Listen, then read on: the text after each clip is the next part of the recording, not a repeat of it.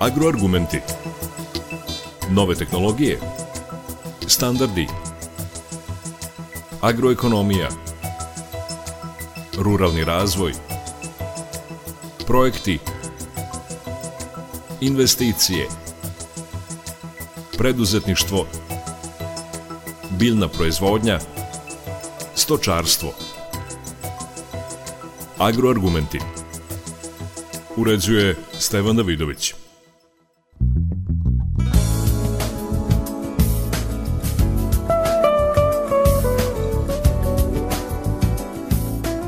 Poljoprivrednicima je uvek aktuelno pitanje tržišta.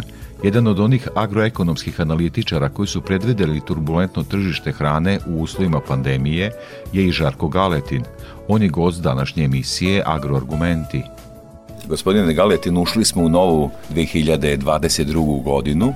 Početkom svake godine razgovaramo o prethodnim godinama i o onome što nas očekuje u ovoj godini kada je u pitanje tržište e, poljoprivrednih proizvoda. Kada smo razgovarali na početku pandemije, vi ste pretpostavili tada već rekli da će biti e, izuzetno dramatično i svedoci smo toga. Šta se dešavalo u godini za nama i koji je pik u porastu cena ono što registruje svetska berza i svetski stručnjaci?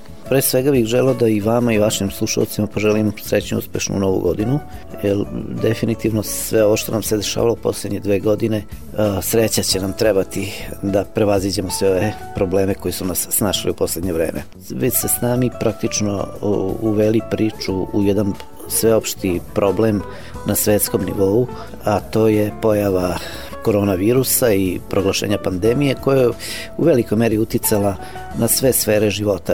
Pre svega tu čak mislim na dakle taj zdravstveni aspekt, a potom naravno na ekonomiju, na dešavanja sa koje su se dešavalo na tržištima i to pre svega na tržištu hrane i energenata i jednostavno jedna takva situacija koja ima tako duboku i snažnu pozadinu i generator kao što je dakle ta pandemija dovela je do toga da smo mi 2021. godinu imali kao godinu apsolutnih svetskih na svetskom nivou rekorda, cenovnih rekorda na tržištu naj značajnijih e, primarnih poljoprivrednih kultura, žitarica i uljarica, dakle kukuruza, pšenice, soje, suncokreta, e, pirinča i ostalih poljoprivrednih kultura koji su doveli do jedne situacije da mi danas prema podacima jednih nacija koja se meri tržište i cene poljoprivrednih proizvoda i opšte cena hrane preko jednog agregatnog indeksa koji je poznat kao FAO indeks, dakle da smo imali taj FAO indeks koji je na kraju 2021. godine imao apsolutni rekord od kada je uopšte ovaj cenovni indeks ustanovljen, što praktično znači da se svet trenutno hrani najskupljom hranom u praktično novijoj istoriji. Sada pominjete izuzetno visoke cene, da dođemo kratko u ovom razgovoru na domaći teren, tako da kažem, koliko su koristi imali domaći proizvođači, odnosno poljoprivrednici, ratari od tako visokih cena u godini za nama? Svakako da je to bio jedan povoljan trenutak da naši poljoprivredni proizvođači, što bi se ono kolokvilno reklo, poentiraju na tom tržištu, pre svega na našem tržištu, naše tržište prodaje proizvoda našim, da, da kažem, trgovcima, velikim izvoznicima, praktično se preliva i na svetsku pijacu, što znači da je kompletna ta priča uvezana što se kaže stih, što se tiče tih svetskih i domaćih cena. Elem, naši proizvođači su imali bili u prilici da recimo oni proizvođači koji su sačuvali soju, soju prodaju u maju mesecu, negde sredinom maja, po 86 dinara po kilogramu bez poreza, što je bukvalno bilo onako jedna puka želja i što bi se reklo mislena imenica se koliko do pre godinu dve dana da će soja imati cenu od preko 800 dolara za tonu. E, imali smo priliku da prodaju kukuruz u isto recimo u tom nekom periodu u maju mesecu za 27 dinara po kilogramu bez PDV-a što je takođe izuzetno visoka cena. Dakle imali su ajde da kažem neku korist i neki, neki benefit. Pomenut ćemo naravno i pšenicu koja je čak možda najviše iznenadila u, u, u, u jednom momentu je cena pšenice negde u novembru mesecu došla, došla do cenu 32 dinara po kilogramu bez PDV-a. Međutim, ono što čini čitavu situaciju komplikovanom i ne tako ružičastom sa aspekta te neke blagonaklonosti tržišta prema našim poljoprivrednim proizvođačima, ako uopšte može tako da se kaže, a to je pojava inflacije. Inflacija je startovala, inflacija je pojava na globalnom, na svetskom nivou. Ako vam jedna Amerika ima inflaciju 6,8%, tu takozvanu međugodišnju inflaciju, ako vam Evropska unija ima inflaciju 5,6, 5,7%, Srbija ima međugodišnju inflaciju 7,5%, dakle to su veoma velike vrednosti.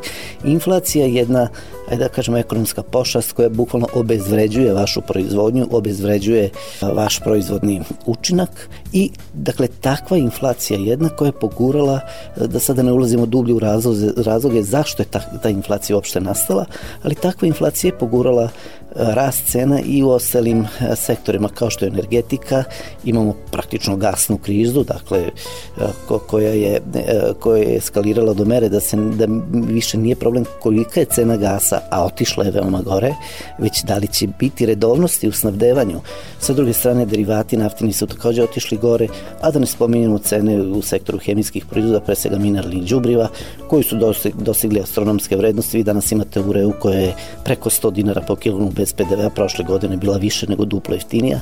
Tako da, eto, taj moment je jednostavno malo, ajde da kažem, umanjio u svakom slučaju taj efekat visokih cena primjenih poljoprivrednih proizvoda i to je ono što u ovom trenutku nije dobro. Da se opet vratimo na svetsko tržište, kakve su zalihe Pa evo ovako, od te, ajde da ih napravimo četiri za nas najinteresantnije primere poljoprivredne kulture, dakle pšenica, kukuruz, soje suncokret. Imamo vrlo interesantnu situaciju. Na svetskom nivou cen, e, zalihe pšenice će biti na petogodišnjem minimumu, a kod kukuruza, soje suncokreta petogodišnje, e, ovogodišnje zalihe će biti na petogodišnjem maksimumu. Dakle, eto, vrlo jedna interesantna situacija. Međutim, ono što je jako, to jeste u svakom slučaju jedan pokretački faktor i moment koji utiče, dakle, definitivno na cene poljoprivrednih proizvoda, to nije sporno. Međutim, mi smo svedoci upravo ove godine, e, sada ovo što kažem, jednostavno hoću da pokažem koliko je taj e, faktor e, te opšte krize prouzrokovan tom pandemijom koronavirusa snažan i koliko je mnogo uticao na, generalno na cene poljoprivrednih proizvoda. Naime, dakle, upravo ove okolnosti koje sam spomenuo oko, oko zaliha nisu u tolikoj mene generisale rast cena pšenice. Jesu, generalno jesu, ali recimo, ajde sad ovako da se skoncentrišemo na, na, na kukuruz, soju i suncokret. Imamo petogodišnji maksimum u e, zaliha, meren odnosama zaliha u odnosu na ukupnu potrošnju. Znači, po logici stvari cene bi trebale da padaju, međutim cene se i dalje drže na veoma visokim nivom. Ja ću podsjetiti da je, pšeni, da je kukuruz kod nas i dalje na nivou oko 250 dolara i preko 250 dolara za tonu, dakle preko 25 dinara pa i 26 i tako dalje. On je nešto malo pao do duše u odnosu na onaj majski rekord, cena soje se i, drži, i dalje drži na relativno visokom nivou. Dakle, e, taj faktor, e, moment, da, dakle, te opšte e, svetske krize na tržištu poljoprivrednih proizvoda je toliko snažan i toliko jak da čak u nekoj meri uh, ublažio efekte tih bilansnih odnosa koji su sve koliko, da kažem, do pre par godina bili uh, fundamentalni tržišni pokretači koji su kreirali, kreirali čitavo tržište poljoprivrednih proizvoda. Dakle, sa, što se tiče zaliha, pšenica je uh, pala na, na istorijski minimum i to se vidi na tržištu da ona uz ovaj, dakle, snažni generišući faktor koji smo naveli da je to dakle pandemija i ta zdravstvena kriza je i pogurao pšenicu na, na nivo koji je sada, kažem, na svetskom nivou i po nekim procenama, već koliko posle nove godine očekuje se, očekuje se u najmanju ruku stabilizacija, možda čak i blagi rast cene pšenice upravo iz tih razloga. Dakle, malo pšenice na svetskom tržištu. Pa nešto manje, nešto manje nego prošle godine. E, čak mislim da, da, da nije toliko manja proizvodnja pšenice koliko je ra, izražen rast tražnje.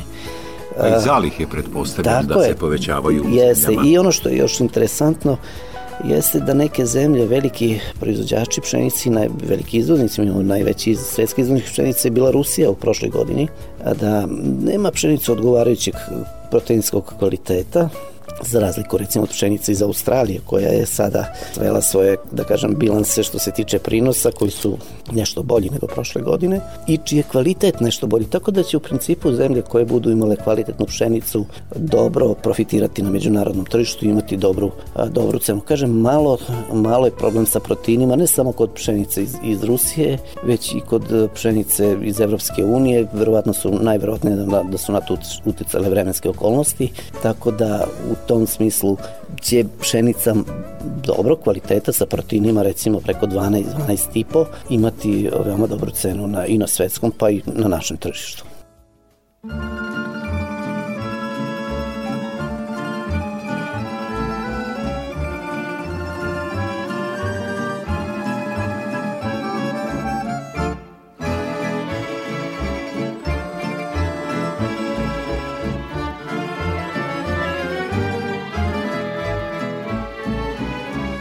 Salašari, salašari, gde su vam salaši? Zarasle su staze stare i putevi vaši. Gde su čeze, gde dizgini, gde su konji vranci? Ostali su zapušteni čardaci i lanci. Gde su čeze, gde dizgini, gde su konji vranci?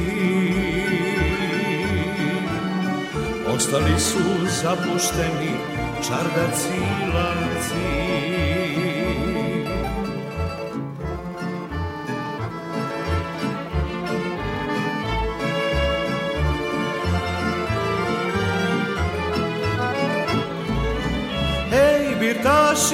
opusteše ti bircuzi vaši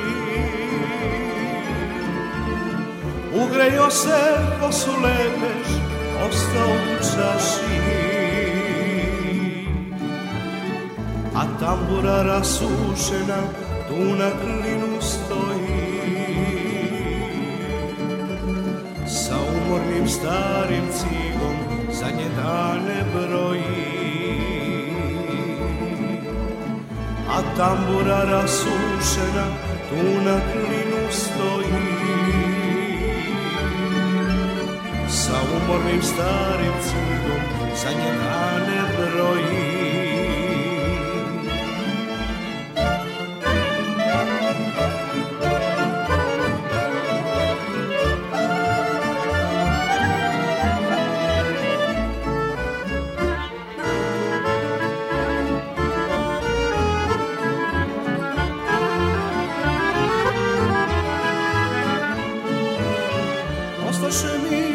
Dragi i salašiđera I još volem u karuca čilaša da tera Do karuce stare škripe čilaš posustao Ali je plamen sa ognjišta u srcu ostao Dok karuce stare škripe čilaš posustao Ali je plamen sa ognjišta u srcu ostao Agroargumenti. Gospodine Galetin, kako će se ove godine razvijati situacija kada su u pitanju cene? Jer poljoprivrednici koji nas sada slušaju, zaista ja mislim da se trude i već duže vremena programiraju svoju prodaju koliko mogu da bude u vreme kada je i najveća cena. Da, znate kako ova velika kriza koju smo već toliko puta pominjali, u svakom slučaju može da se meri po svojim razmerama i po obimu i po dubini sa onom koja, nas se, koja se desila 2008. godine, koja je osnovi bila kriza, e, finansijska kriza e, generisana e, slomom njujorške berze na, na tržištu hipotekarnih kredita i tako dalje, da ne ulazim u razloge, ali koja je dakle proizvela jedne ozbiljne posledice. Lično mislim da ova kriza će imati dublje i dugoročnije posledice od, od te najsvežije, da tako kažem, krize iz 2008. godine, iz prostog razloga što je ova kriza jednostavno razobličila svu slabost nekih značajnih velikih svetskih institucija kao što su Svetska zdravstvena organizacija i iznad svega ono što je u ovom trenutku nas interesuje Svetska trgovinska organizacija koja je potpuno podbacila, kako bih rekao, i, i e, razvlastila samu sebe sa nekim svojim ingerencijama i sa tako rasturenom jednom krovnom institucijom kao, Svetska, kao što je Svetska trgovinska organizacija, učesnici na tržištu, na tom velikom međunarodnom tržištu se bukvalno ponašaju u skladu sa isključivo svojim interesima, ne sa opštim i globalnim interesima svetske trgovine, već isključivo u, u, u duhu i u skladu sa e, svojim interesima. Da konkretizujem stvar, dakle, radi se pre svega o činjenici da su mnoge zemlje veliki izvoznici u jednom trenutku i ne samo u jednom trenutku, to imamo i sada, upravo ne, to, to nije bio efekat samo neposredno posle proglašenja pandemije, prvo da se zatvaraju granice, da se, da se pojave problem u logistici, u transportu, drugo, da donose izvozne takse kako bi sačuvali svoje bilansi. To je sve unelo strahovito velike poremeće na svetskom tržištu i dan danas, evo Rusija već je najavila uvođenje taksi za izopšenice tamo negde za maj mesec. Celo tržište se zbog toga, dakle Rusija, ponovit ću, najveća svetska izvoznica pšenice, celo svetsko tržište se je vrlo burno odreagovalo na to rastom cene. Tako da, kažem, posledice ove krize ćemo dugo osjećati, neće se situacija vratiti na ono kao što je nekada bilo, dakle, ona priča da prođe pandemija pa da se vratimo kao što je bilo pre pandemije, dakle sve se promenilo i jednostavno čitav svet, čitavo tržište pa i naši poljoprivredni proizvođači moraće se upodobiti i prilagoditi novim okolnostima, a te okolnosti su dovele jednu relativno dobru stvar za njih, a to je da su se cene poljoprivrednih proizvoda generalno pomerila na jedan viši nivo i sad sve će u nekom narednom periodu po mojoj proceni funkcionisati na tom nekom višem nivou. A šta sa troškovima, Konkretno, gospodine Galetin? Tu sad pomenuli ste u prethodnom delu e, da e, naši poljoprivrednici imaju sreću što je e, cena viša na svetskom tržištu i domaćem, ali i rast troškova, pre svega energenata. Da će i zarade biti veće? Da. Ja mislim da je već se tu pokazale su se neke kalkulacije kod tih, da kažem, naših roba iz primorog sektora i koje su pokazale da će, koje su pokazale da će naš poljoprivredni proizvođač ipak imati neki benefit od, od, iz ove situacije. Bez obzira na okolnost da su mineralna đubriva veoma mnogo poskupela i bez obzira na okolnost da su i energenti poskupeli, uzgled budi rečeno, u, recimo rast cene najviše utica upravo na, na rast cena mineralnih đubriva, gas u strukturi mineralnih đubriva participira sa najvećim procentom kao kalkulativna stavka. E, tako da e, to svakako, da kažem, ne odgovara našim poljoprivrednim proizvođačima, smanjit će tu, ajde da kažem, zaradu koju su oni možda očekivali pod efektom tih mnogo većih cena a, njihovih glavnih proizvoda, jel, pšenice, kukuruza, soj, suncokreta i tako dalje. Sve o svemu uticaće na pad neke zarade, ali mislim da će i dalje moje lično mišljenje taj neki, što se ono kaže delta, taj neki nivo ekstra zarade kroz ove visoke cene, da će i dalje postojati i da će imati re, relativno bolju situaciju nego, nego prethodne godine. Ono što je veoma bitno istaći jeste da je tu uloga države veoma važna i da se ti e, troškovni pikovi koji se pojavljuju u vreme setve, pripreme za setvu, ne bi ugrozili o, zaradu naših poljoprivrednih proizvođača. Nema jake poljoprivrede bez razvijenog stočarstva. Ovakva situacija sa visokim cenama ratarskih proizvoda koliko može narušiti ravnotežu kada je u pitanju odnos ratarstva i stočarstva, odnosno koliko će u ovakvoj situaciji otežano poslovati naši stočari? Dakle, po onoj narodnoj dok jednom ne svane, drugom ne smrkne, svanulo je našim ratarima, ali našim stočarima davno svrknulo, čak, čak i pre ovog rasta cena, ali u svakom slučaju da ovaj rast cena primarnih poljoprivrednih proizvoda koji su u principu najvažniji inputi u strukturi cene stočne hrane je uticao na profitabilnost proizvodnje u stočarstvu.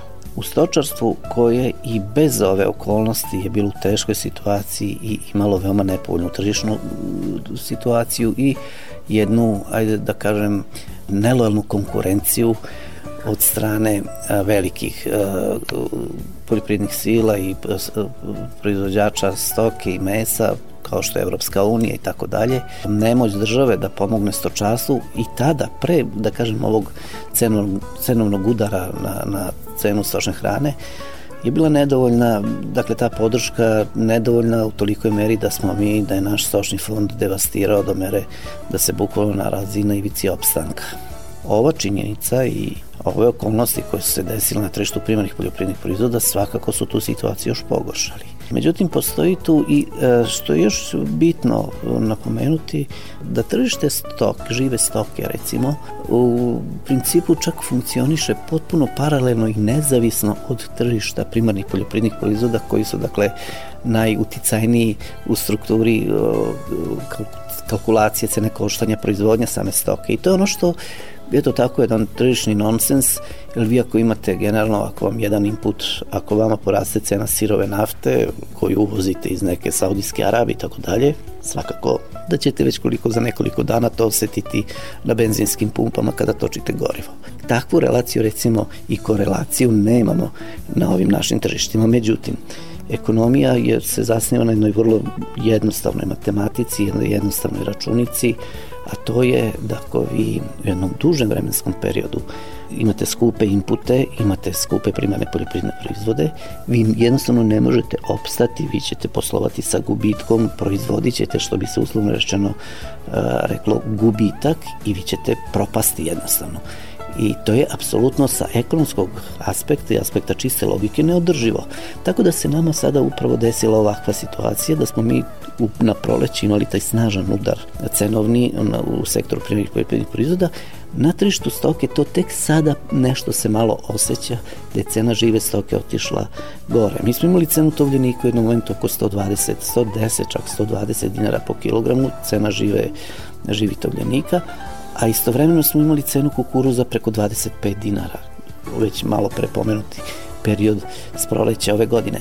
Sada, dakle, e, se dešava upravo to da je ipak taj e, faktor cena inputa uticala na to da, da jednostavno cena žive stoke mora otići gore, u protivnom će pogasiti svi svoje farme i ovako smo u velikom problemu i cena žive stoke sada koliko znam cena tovljenika recimo otišla na 180 dinara i tako se tu donekle malo i sad da kažem poprila ta neka kalkulacija što se tovljenika stiče, slična situacija i u govedarstvu, ali i dalje To je sektor koji mora imati snažnu podršku države. Ne može se prenebreći okolnosti činjenica da i u poslednje vreme su i podignute te premije po grlu stoke i za tovljenike i za goveda i za krave i dakle i za tovnu i za mlečno govedarstvo. Premija za mleko otišla sa 7 na 10 dinara. Dakle, nešto se tu pomera. Međutim, to je ruku na srce i dalje nedovoljno s aspekta čitavog globalnog tržišta Srbija je otvorena zemlja, pogotovo u, postupku pristupanja Evropske unije. Mi smo na, na, naši, da kažem, instrumenti carinski i, i zaštite svoje proizvodne su relativno na taj način suženi i nama dolazi recimo smrznuto meso iz Nemačke, uvozimo tovljenike iz Hrvatske, Makedonije, uvozimo čak stočni podmladak, prasici se uvoze i tako dalje. Dakle, to je jedan problem ozbiljan i veliki problem relativno teško rešiv, ali mislim da bi iz jednu ozbiljnu, dugoročnu, dobru politiku prema stočarstvu, naše stočarstvo moglo da se izvuče iz tog problema i da upodobi svoje, da, da kažem, svoje tržište sa tržištem primarnih poljoprivrednih proizvoda, da se ne dešavaju te crne tačke u, u tom nekom periodu i te makaze cena da vi imate izuzetno skupu skup kukuruz i soju kojom hranite vašu stoku koja je izuzetno jeftina. Dakle, tu bi neki mehanizam trebao da se uspostavi sa aspekta tržišnih intervencija, da sad ne ulazimo u tu problematiku, način za to postoji, kako će to država rešiti, to sada već je jedna druga priča. Siguran sam da mnogi poljoprivrednici koji, se, koji nas sada slušaju su mladi, ljudi koriste internet, e, podatke produktne berze u Novom Sadu. Vi zaista imate izuzetno iskustvo u, u, u tom smislu. Kako prepoznati kako bi se što bolje kreirao tržišni nastup? Danas ja verujem da je to našim poljoprivrednim proizvođačima, s obzirom da se bitno i vrlo ubrzano menja starosna struktura poljoprivrednih proizvođača u Srbiji, što samo sa sobom, samo po sebi nosi činjenicu da su ti, dakle, mlađi poljoprivredni proizvođači, mladi poljoprivredni proizvođači, tehnički, tehnološki pismeniji, da mogu da koriste i društvene mreže i internet i sve ostale, da kažem, pogodnosti koje donosi ta nova IT tehnologija.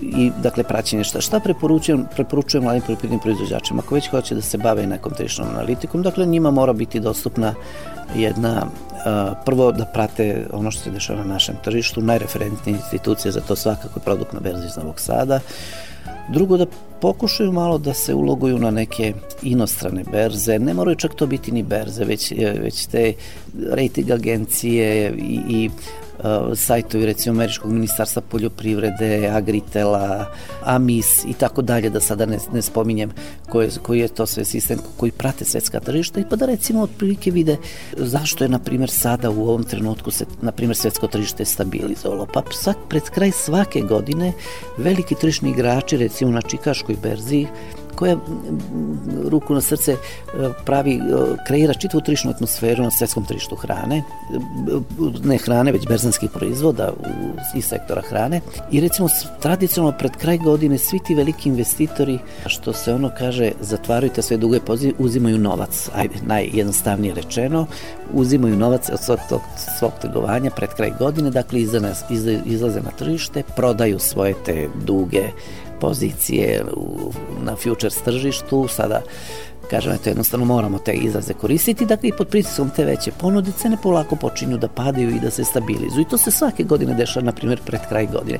Šta hoću da kažem? Hoću da kažem da se moraju pratiti neki trendovi, neke, neke istorijska dešavanja, na kraju kreva postoji taj jedan jedan um, metod u, u, u proceni trišnih dešavanja koja se zove tehnička analiza, koja u svojoj osnovi ima praćenje dešavanja u prošlosti, na osnovu čega vi donosite planove i donosite percepciju i procenu u budućnosti. Dakle, zna se otprilike koji su to neki sezonski pikovi na tržištu. Ponovit ću još jednom, ova korona kriza je dosta toga poremetila, ali i dalje vi ćete imati kada se koliko toliko sve to stabilizuje, znači naš poljoprivredni proizvođač moći pristupom na takve neke sajtove, pa i praćenjem cena kod nas i praćenje tih nekih periodičnih skokova ili pada cena da procene kada će ta cena otići na neki viši nivo i kada je to trenutak kada će početi da pada. Evo recimo ja ću sada reći ovako jednu situaciju, da kada vi imate situaciju da vam cena raste, pogotovo ako su to, ako, ako cena raste već na inače visokom nivou kao što smo sada imali situaciju sa pšenicom, i, i u tom momentu i taj psihološki faktor igra bitnu ulogu, cena će da raste i to vrlo očigledno, da raste, raste veoma mnogo onog trenutka kada cena stane, veća je verovatnoća, mnogo veća verovatnoća da će cena ili stagnirati ili nešto malo pasti nego da će početi ponovo da raste. Dakle, u tim, na primer, periodima naglog rasta cena, pa stagnacije, kažem, onda i naglog i dugoročnog rasta cene i kada u jednom trenutku cena stane, dakle, onda je za pretpostaviti da će tržište odreagovati tako će cena se stagnirati, možda malo pasti, a vrlo redko da će vrlo brzo nastaviti da raste. On će možda nastaviti da raste posle par meseci, ali u tom trenutku svakako ne. Ko proceni taj moment kada cena je stala i kada e, se osjeća, što kaže ono, da će cena početi da pada, on proda svoju robu po dakle nekoj najskupljoj ceni ili možda, ajde, ne mora to biti najskuplja, ali na tom relativno, ajde kažemo, najvišem nivou u tom piku, taj će dobro proći u protivnom ne. Dakle, šta hoću da kažem, jednostavno moraju se in, interesovati profesija finansijskog savjetnika i berzanskog savjetnika je u napolju veoma dobro plaćena i to ne džabe, jer jednostavno to su, to su maheri tržišni, da tako kažem, koji imaju i iskustvo i znanje i sve te neke matematičke svoje analize za te procene. I tako je to jednostavno preporučujem našim mladim poljoprivrednim proizvođačima da uzmu što širu bazu podataka, da naprave neku svoju, svoju viziju ili na kraju krajeva da se konsultuju i da prate produktnu berzu upravo ste mi otvorili prostor za završetak našeg razgovora, za kraj ovog razgovora, dakle, udruživanje poljoprivrednika, zadruge, udruženja obično posjeduju takvog stručnjaka, dakle neko ko se već bavi tim, a i udruženi poljoprivrednici lakše dolaze i do silosa koji je uslov da se sačuva. Dakle, koliko je u cijeloj ovoj priči o tržišnim zbivanjima bitno, bitno biti udružen? To je priča koju svi naši, da kažem, stručnjaci i analitičari propagiraju i upućuju naše poljoprivredne proizvođače da se udruže. Pa vidite ovako, da ne, da ne ponavljamo onu, onu narodnu o sedmoro braće i o sedam pruteva koji su jači, koji su jači od jednog pruta, je lakše slomiti jedan prut nego svežanje od sedam pruteva i tako dalje. Tako da i kada se i udružite u jedan sistem i kada izađete i pred dobavljača, u svakom slučaju da izađete sa ozbiljnijom tražnjom, sa ozbiljnijom količinom recimo za kupovinu mineralnog đubriva i zaštiti i tako dalje, tako dalje, da već ste vi jedan ozbiljni pregovarač u tom procesu. Sa druge strane, kada izlazite na tržište, nije uvek ćete, iz, kako bih rekao, uvek ćete imati povoljniju poziciju ako izađete na tržištu sa lotom od recimo 1000 tona, nego kad izađete na tržište sa lotom od 50 tona.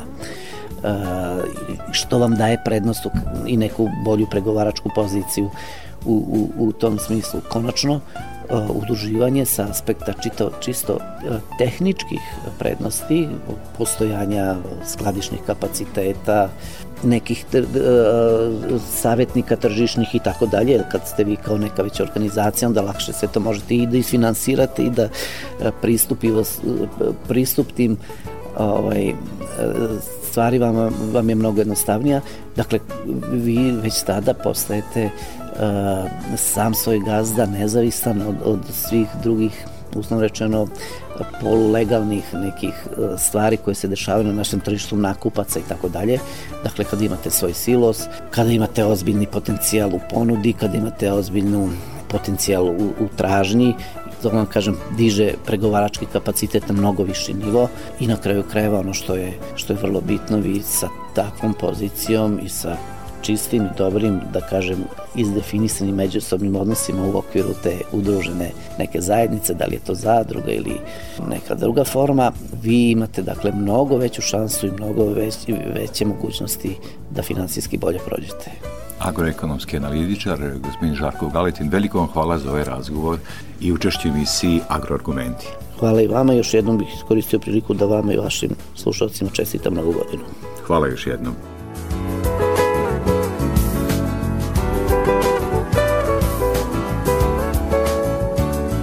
Slušali ste Agroargumente. Pozdravlja vas urednik i voditelj emisije Stevan Davidović. Emisiju možete slušati i na portalu Radio Televizije Vojvodine na adresi rtv.rs. Ostanite uz naš program.